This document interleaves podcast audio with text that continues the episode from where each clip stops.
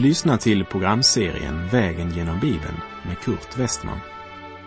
Programmet sänds av Transworld Radio och produceras av Norea Radio Sverige. Vi befinner oss nu i profeten Habakuks bok. Slå gärna upp din bibel och följ med. Vi har kommit till det tredje kapitlet i profeten Habakuks bok. Och det har skett en enorm förändring i den här profetens liv. Han som i det första kapitlet ropade i förtvivlan, nöd och desperation. Herre, hur länge ska jag ropa på hjälp utan att du svarar? Varför låter du mig se ondska? All denna nöd ropade han ut inför Gud. Allt det svåra i hans liv som han inte kunde förstå. Alla livets många varför. Men efter att Herren talat mynnar hans liv ut i bön och lovsång. Habakuk vittnar om den tro som övervinner allt. De två första verserna innehåller profetens bön. Verserna 3 till och med 17 vittnar om Guds suveränitet och allmakt. Och i verserna 18 och 19 får vi höra Habakuks personliga vittnesbörd om var han nu står för sin egen del. Vi läser profeten Habakuk kapitel 3, vers 1. En bön av profeten Habakuk till Shigionot. En bön som uppenbarligen också blev sjungen. Och när vi läser dess innehåll så är den ett tack från en profet som tidigare hade sagt Hur länge ska jag ropa utan att du svarar? Men som nu säger att han hört Herrens budskap och han bävar. Det är den respekt för den helige som vi återfinner både i Nya och Gamla testamentet, men som tyvärr är ganska ovanlig idag. Habakuk har tåligt väntat på vad Herren hade att säga. Och Guds svar öppnade profetens ögon för nya dimensioner. Han har fått ett perspektiv som han inte tidigare hade. Därför utbrister han i en profetisk tacksång. Och jag läser Habakuk 3, vers 2 i Bibel 2000s översättning. Herre, jag har hört om dina gärningar. Jag har sett dina verk, Herre. Förnya dem i denna tid. Ge dig till känna i denna tid.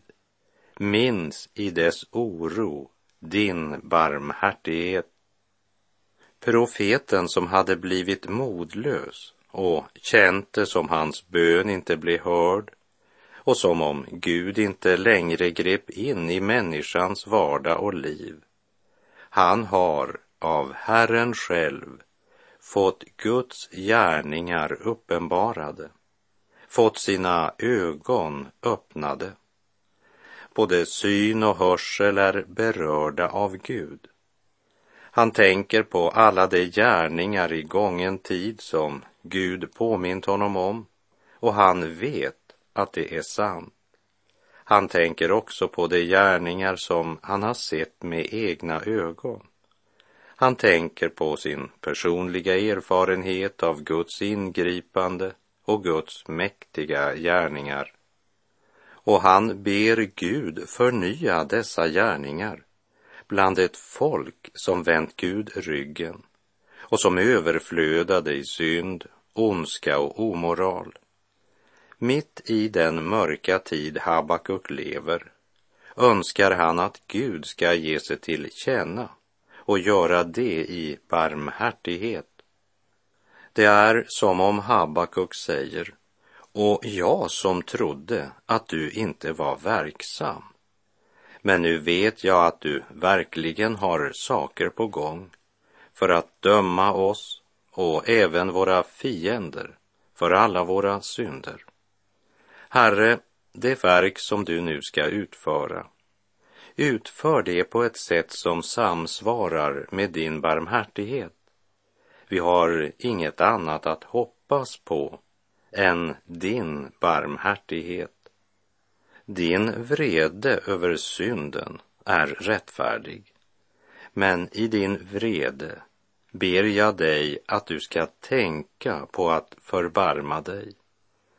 När vi ser ut över världen idag så kan det nog i våra ögon se ut som om Gud inte alls griper in. Men kunde vi lära av denne profet att ställa oss på vår post, vaka och vänta på vad Herren har att säga, kanske vi också kunde lära att den rättfärdige ska leva genom sin tro. Hade vi en levande tro skulle vi upptäcka att Gud verkligen är verksam mitt i denna världens ondska och mörker.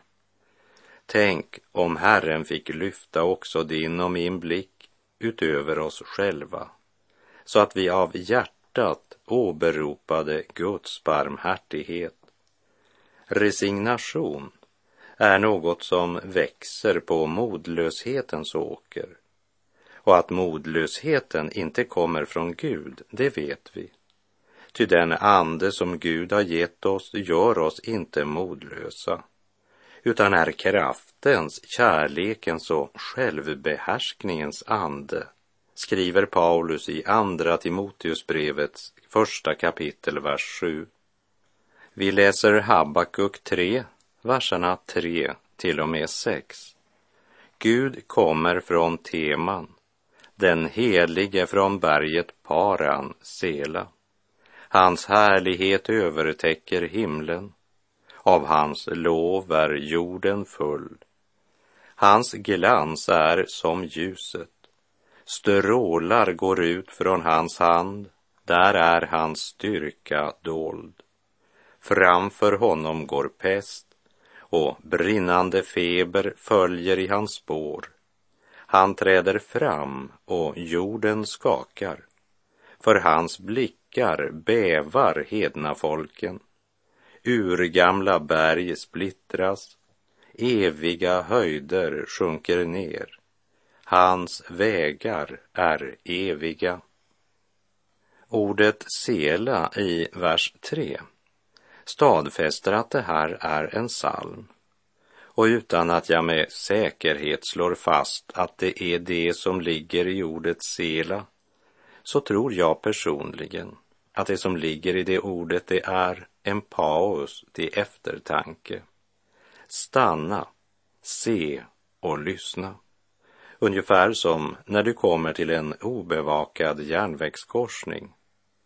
Habakuk beskriver på ett underbart sätt Guds härlighet Hans härlighet övertäcker himlen. Av hans lov är jorden full.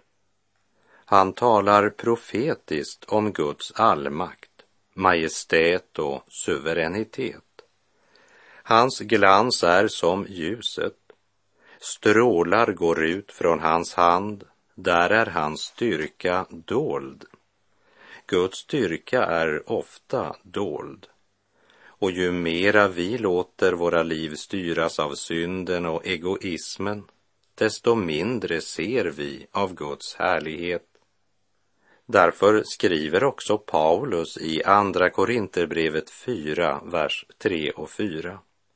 Är vårt evangelium dolt, så är det dolt för dem som går förlorade.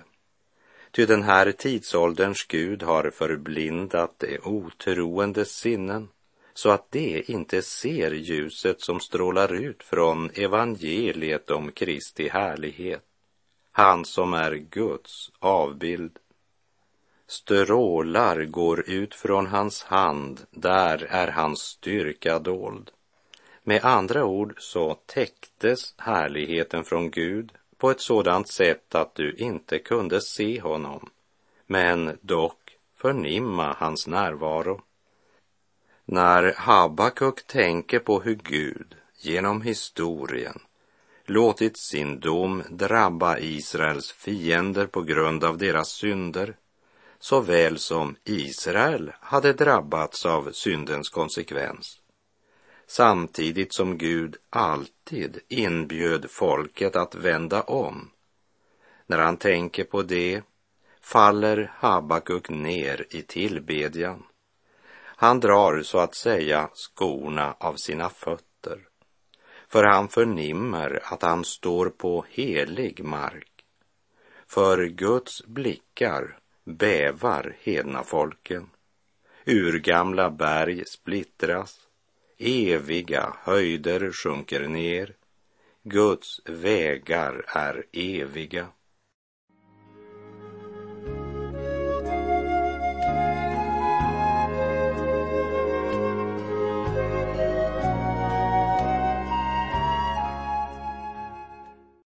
Vi läser Habakuk kapitel 3, vers 10 och 11.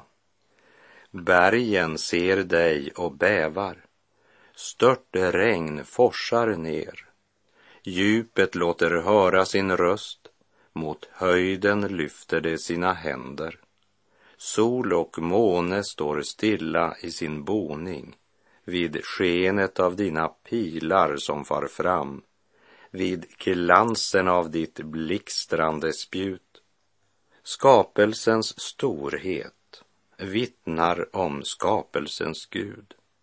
Och den Gud som styr både det stilla regnet och störtskurarna är också den som styr historiens gång. Gud har full kontroll. När Habakuks ögon har öppnats för vem Herren är bryter också lovprisningen ut. Och dessa ord skulle påminna dig och mig om vem Herren är. Vi skulle bli stilla och bara meditera och betänka att Gud är Gud. Bergen ser dig och bävar, säger Habakuk. När Mose gick upp på Sinai berg för att motta lagen så skakade berget. Och Israels folk var så rädda att de faktiskt inte ville komma i närheten av det. Jag citerar Andra Mosebok kapitel 20, vers 18 till och med 21. Allt folket var vittne till dundret och eldslågorna, basunljudet och röken från berget. Och när de såg detta bävade de och höll sig på avstånd. De sade till Mose, tala du till oss så skall vi höra. Men låt inte Gud tala till oss, för då kommer vi att dö. Men Mose sade till folket, var inte rädda, ty Gud har kommit för att sätta er på prov och för att ni ska frukta honom så att ni inte syndar. Folket stod på avstånd medan Mose gick närmare töcknet där Gud var. När Habakuk talar om bergen som bävar och störtregnen som forsar ner så talar han om den Gud som har förlossat sitt folk från Egyptens träldom och som fortfarande sitter på tronen. Habakuk nämner också solen och månen som står stilla. I Josua 10, vers 12 till 14 läser vi. Och Josua talade till Herren på den dag då Herren gav amoreerna i Israels barns våld. Han sade inför Israel, du sol, stå stilla i Gibeon, du måne i Ajalons dal. Då stod solen stilla och månen blev stående tills folket hade tagit hämnd på sina fiender. Detta finns ju upptecknat i den redliges bok. Solen blev stående mitt på himmelen nästan en hel dag och skyndade inte inte att gå ned. Aldrig har någon dag, varken förr eller senare, varit lik denna genom att Herren då lydde en mans ord, ty Herren stred för Israel. I samsvar med det som står här i Josua 10.12 så tror jag att Gud stannade hela solsystemet för att genomföra detta mirakel. Josua hade fått order att bekämpa dessa mäktiga fiender helt och han såg att mänskligt sett så var uppgiften omöjlig. Därför så ber han Herren om att förlänga dagen och bönen blir hörd.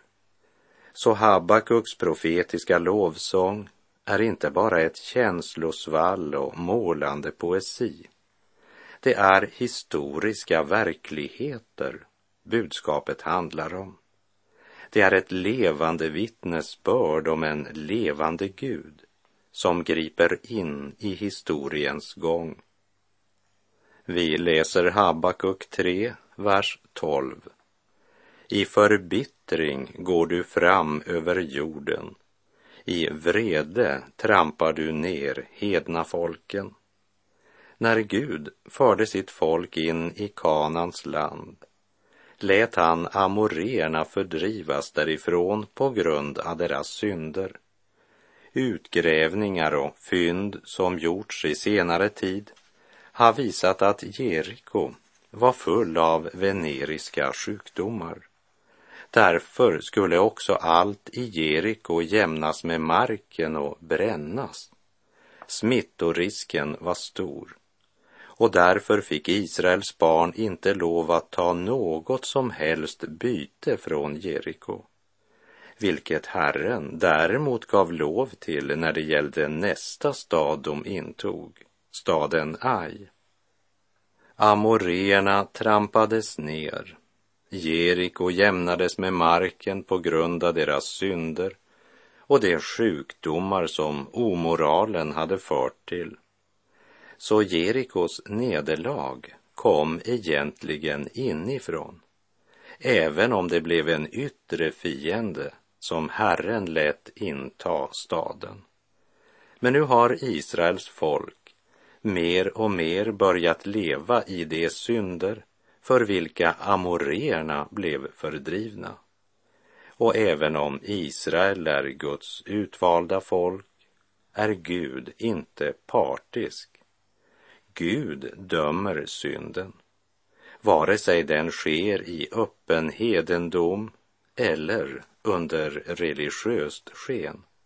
Och Habakuk är väl medveten om att Gud har inget val när det gäller Guds utvalda folk eftersom de nu lever på samma sätt som amoreerna gjorde när Gud fällde domen över dem.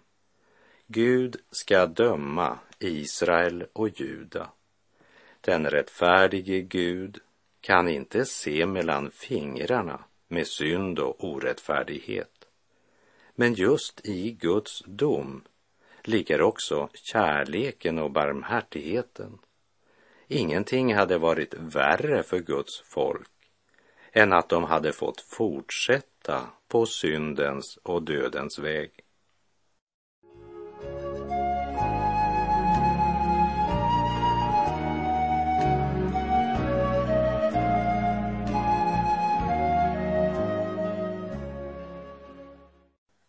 Gud har lyft Habakuks blick och gett honom Guds perspektiv. Habakuk vet att Gud kommer att gripa in. Habakuk vet att Guds dom vilar över hans folk och land. Och han vet att det är deras räddning att Gud håller syndaren ansvarig. Gud är rättfärdig, barmhärtig och nådig. Därför dömer han synden. Vi läser vers 13. Du drar ut för att frälsa ditt folk, för att frälsa din smorde. Du krossar taket på det ogudaktigas hus. Du bryter ner det från tinnarna till grunden, Sela. Här skådar Habakuks profetiska blick helt fram till den utlovade Messias, Guds smorde. Herren drar ut för att frälsa sitt folk. Han stiger ner på syndens jord, blir en av oss, dock utan synd. Och han bar alla våra synder på korset för att försona alla våra synder och öppna vägen till Gud. Här går mina tankar till profeten Jesaja rop i Jesaja 64, vers 1. O, att du lät himmelen rämna och kom hit ned så att bergen skälvde inför dig. Jesaja 64 är inte bara ett nödrop. Det är också ett profetiskt budskap om något som skall ske. Gud skall stiga ner eftersom det är människans enda möjlighet till räddning. Den nöd som profeten har, den bedrövelse han känner och den innerliga bön som detta skapar i hans hjärta, det är fött av Gud. Vad är det som profeten i sin nöd ber om? Han ber att himlen ska rämna och att Gud själv ska stiga ner till jorden. För Jesaja har insett att människan inte kan frälsa eller rädda sig själv. Och det uttrycker Habakuk så här. Du drar ut för att frälsa ditt folk.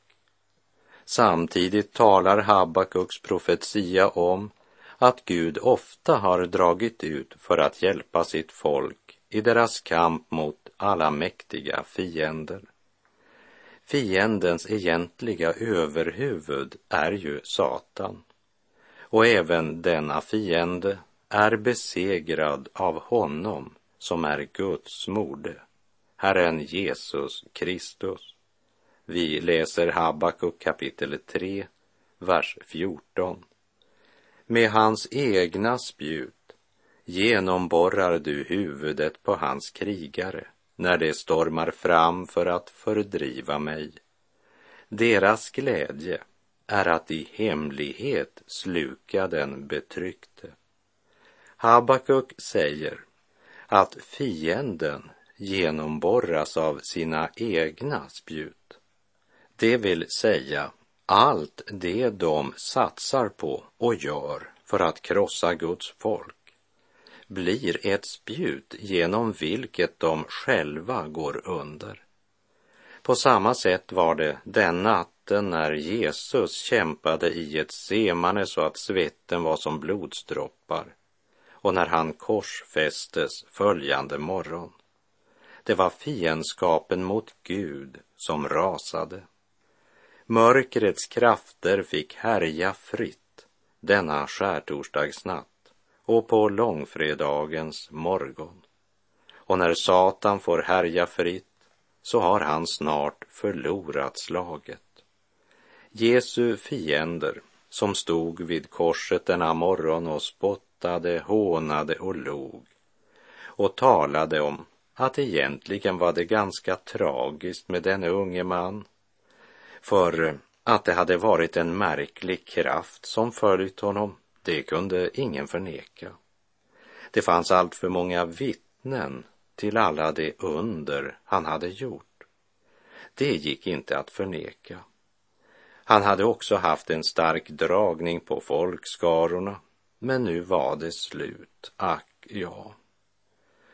Och medan de talade om det tragiska med ett ungt förspilt liv så talar Jesus om ett fullbordat frälsningsverk.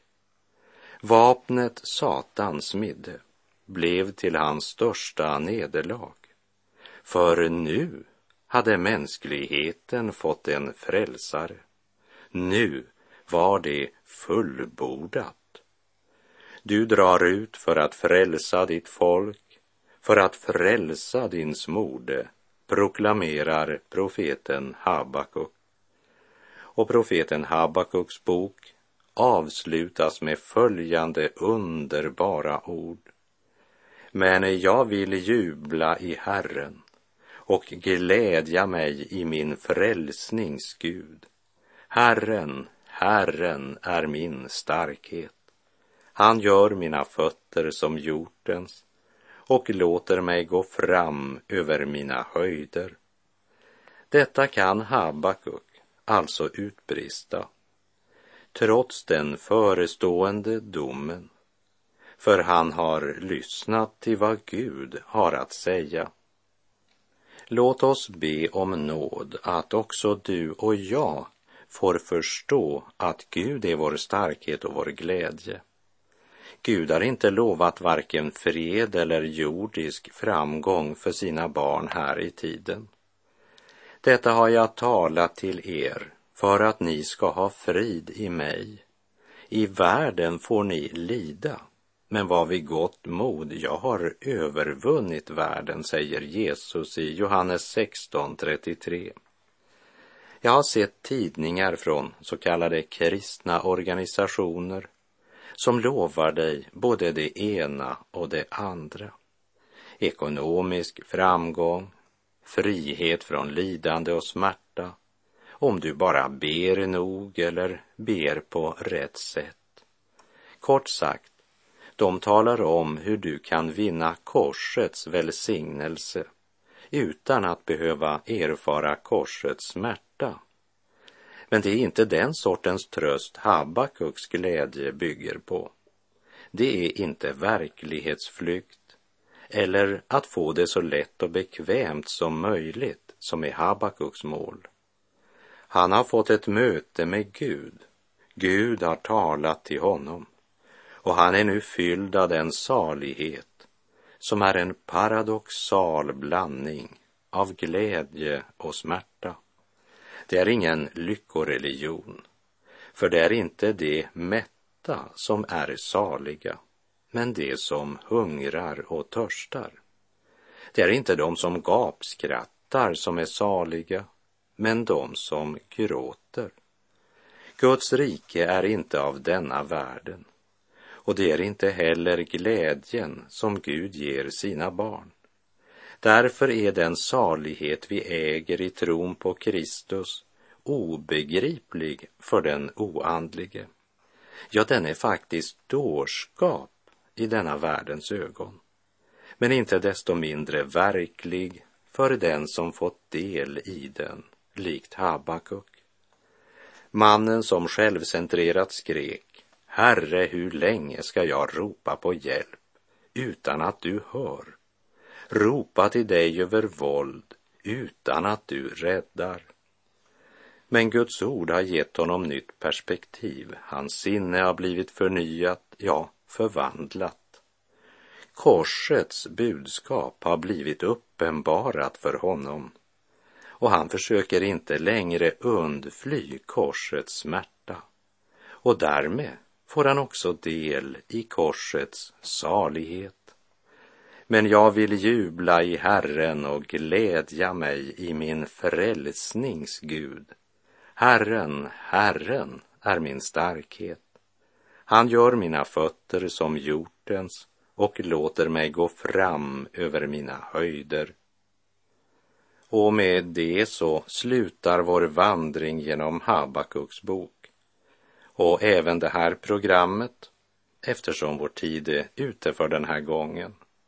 Jubla i Herren, gläd dig i din frälsningsgud och må hans välsignelse vila över dig.